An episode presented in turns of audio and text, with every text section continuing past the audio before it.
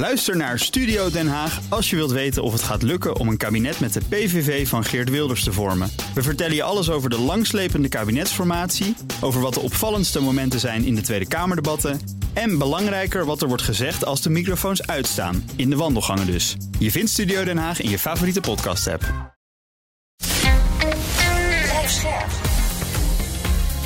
BNR Nieuwsradio. Extra nieuwsuitzending. Lisbeth Staats. De vooraanstaande Russische oppositievoerder Alexei Navalny is overleden. De strafkolonie waar Navalny gevangen zat meldt dat hij onwel werd tijdens een wandeling.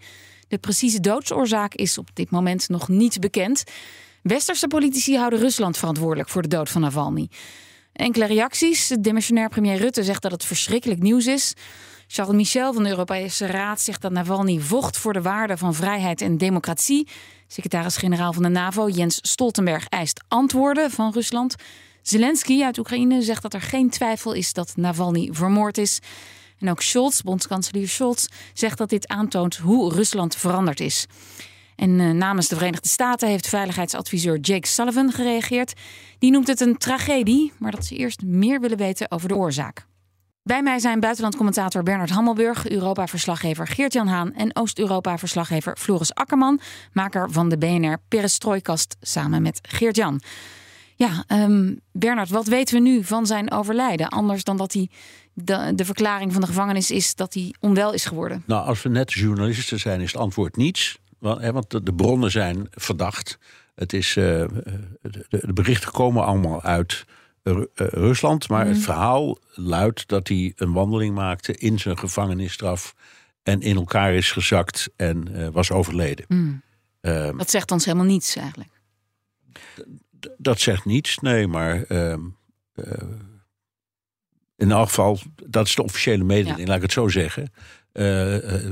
Ze, ze, melden ook dat ze Poetin hebben ingelicht.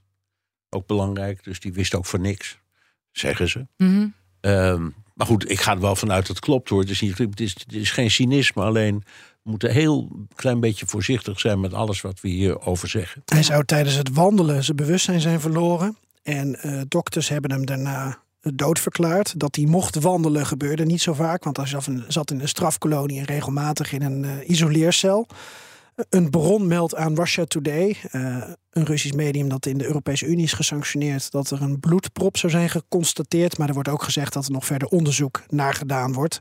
Het zal waarschijnlijk nog heel lang gissen blijven. En binnen de reacties nog interessant, Angela Merkel, de oud-bondskanselier die hem in 2020 naar Duitsland haalde nadat hij vergiftigd was, die, zegt aan, uh, die, die geeft aan in een eerste reactie dat uh, ze ontsteld is door de dood van Navalny. Hij is tot zwijgen gebracht door vreselijke methoden. Ah, dat klinkt aardig veroordelend trouwens. Maar dat zegt ze ook, denk ik, op basis van het hele voortraject. Waarin hij natuurlijk in mm. feite al tot zwijgen is gebracht door in een strafkolonie te ja, belanden. Precies. Dat is ook tot zwijgen gebracht, inderdaad. Uh, Floris, ja, we volgen Navalny natuurlijk al heel lang. We weten ook van die vergiftiging die uh, Geert-Jan net noemt. Komt zijn overlijden, overlijden dan onverwacht? Nou, als je het zo ziet, um, sinds hij dus toen in de strafkolonie is, tot, tot de strafkolonie is veroordeeld. En je zag soms beelden van hem, hoe hij vermagerde, hoe lijkbleek die was, hoe die afzwakte. En ook in alle omstandigheden en met, met, uh, waarin hij verkeerde, waarin hij gevangen zat. En ook met het idee van waar Rusland ertoe in staat is om, om oppositie uit te schakelen. Ja, dan, dan, dan verbaast het niet meer. Nee, want hij verkeerde al langer in isolatie, toch? Ja, ja. ja. En ik las net een aantal reacties voor. Er wordt dus heel erg gekeken naar de Russen, gewezen naar Rusland. En ja, gaan ze dan vaker zo met gevangenen om? Als iedereen zo snel naar Rusland wijst? Nou, dat, eh, dat zijn zware omstandigheden. Ik heb ooit een keer ben ik eh, in de buurt van die ouderwetse of ouderwetse van die strafkolonies geweest die toen nog in, in uh, ook nog in de Sovjet-tijd kwamen. Dus zo moet je denken. Dat zijn overblijfselen uit de straf, uit de Sovjet-Unie, uit de Gulag-periode. dat, dat zijn zware omstandigheden. Ook de kou, de winter, de muggen, waar ik toen was ergens in de bossen. Mm. En daar worden ze gewoon ja, niet zo prettig behandeld als hier in Nederland hoor, als nee. gevangenen. Nee. Um, nou, Poetin houdt niet van En, ook al, en zeker niet van uh, Navalny. Dat is al een lange strijd. Nee, hij, hij, hij, hij, wilde de, de, naam Navalny noemde hij nooit eens. Nam hij nog nooit eens in, in, zijn mond. mond. Dat was een, nee. alsof het een soort vies verboden woord was. Maar Bernard, welk belang anders dan hem in een strafkolonie zetten... heeft Rusland met het overlijden van Navalny? Nou, uh, hij was voor ehm, eh, Poetin echt een hele lastige tegenstander. Omdat wat hij deed was niet echt campagne voeren tegen Poetin persoonlijk. Daar was hij veel te slim voor. Ehm, wat hij deed is het aanzetten van burgers om te stemmen op elke willekeurige partij, zolang het maar niet die van Poetin was. Dat was eh, zijn handelsmerk, zal ik maar zeggen. En dat is, eh, daar, is, daar is Poetin woedend over geworden. Maar wat je je best kunt voorstellen. Want hij was er behoorlijk succesvol mee. Hoeveel, weet ik niet. Ik, ik- die percentages weet ik niet. En als ik ze leef- lees eh, ooit ergens, dan geloof ik ze niet. Maar dat, eh, dat het een hele serieuze eh, manier van vechten was... dat blijkt uit de manier waarop Poetin hem heeft verhandeld. Hij heeft verschillende dingen eh, gedaan. Hij heeft eh, corruptie blootgelegd. Bijvoorbeeld van eh Dmitri eh Medvedev, eh, oud-premier, oud-president. eh, van Oesmanov, een grote oligarch. Dat deed hij via social media. Hij was een van de eerste in Rusland die dat op zo'n grote schaal ook deed. Met YouTube-filmpjes. Dus dat was echt in your face voor de, voor de Russen. Degene die naar de eh, internet keken, om het zo te zeggen. Want een heleboel mensen kijken alleen maar naar de staatstv. Ja. Maar er waren ook hele grote eh, protesten die Navalny dan organiseerde in diverse steden. Eh, en dat zal allemaal hebben meegespeeld met dat het Kremlin hebben op een gegeven moment eh, zat was. Ik weet trouwens dat Floris hem een keer eh, gesproken heeft. Maar ik weet niet of dat nou nog tijdens een protest was of net daarvoor. Nee, dat was in 2011 toen Rutte eh, naar Moskou vloog. En waaronder Rutte ook een ontmoeting had met Navalny. En toen konden nog een, vraag stellen aan Navalny. Een paar maanden later waren er eh, protesten onder leiding van Navalny, mede onder leiding van Navalny. En toen En wat was jouw vraag? Dat weet ik niet meer. Maar toen was Navalny dusdanig groot dat je hem niet meer zo makkelijk eh, te pakken kreeg. Daarvoor kon je nog wel eens bellen om, eh, om een vraag te stellen. Maar de kracht van Navalny lag ook in, in het mobiliseren van, van, van, van grote groepen mensen. En niet alleen uit, over de hele linie. Van nationalisten tot liberalen. Hij sprak iedereen aan. Hij, hij sprak ook een taal die ja, ook Russen aansprak. Voor het Kremlin was hij ook niet makkelijk weg te zetten. Zoals Nemtsov bijvoorbeeld, die, die vermoord is ook. Als eh, iemand van een liberale westerse politicus. Die, die, die zijn Ja, ja. oren alleen maar daar laat hangen. Nee, Dat was een echte Rus. Precies, en dat was veel voor het Kremlin. Doordat Navalny zo goed die mensen kon eh, mobiliseren, die, die demonstraties kon houden in 2011, 12, waar het begon, dat was voor, voor het Kremlin moeilijk te bestrijden. En hij was wat dat betreft moe- moeilijker in een hokje weg te zetten. Hmm. Maar over in een hokje wegzetten, als je dat heel letterlijk neemt. Hij zat in die strafkolonie. Ehm, stel dat Rusland inderdaad, ach, we weten nu op dit moment dat we dit opnemen nog heel weinig over zijn dood. Maar stel dat er, dat er aangetoond wordt dat inderdaad Rusland daarop aangestuurd heeft op die dood. Ehm, wat, wat levert hen dat meer op dan hem in die strafkolonie houden?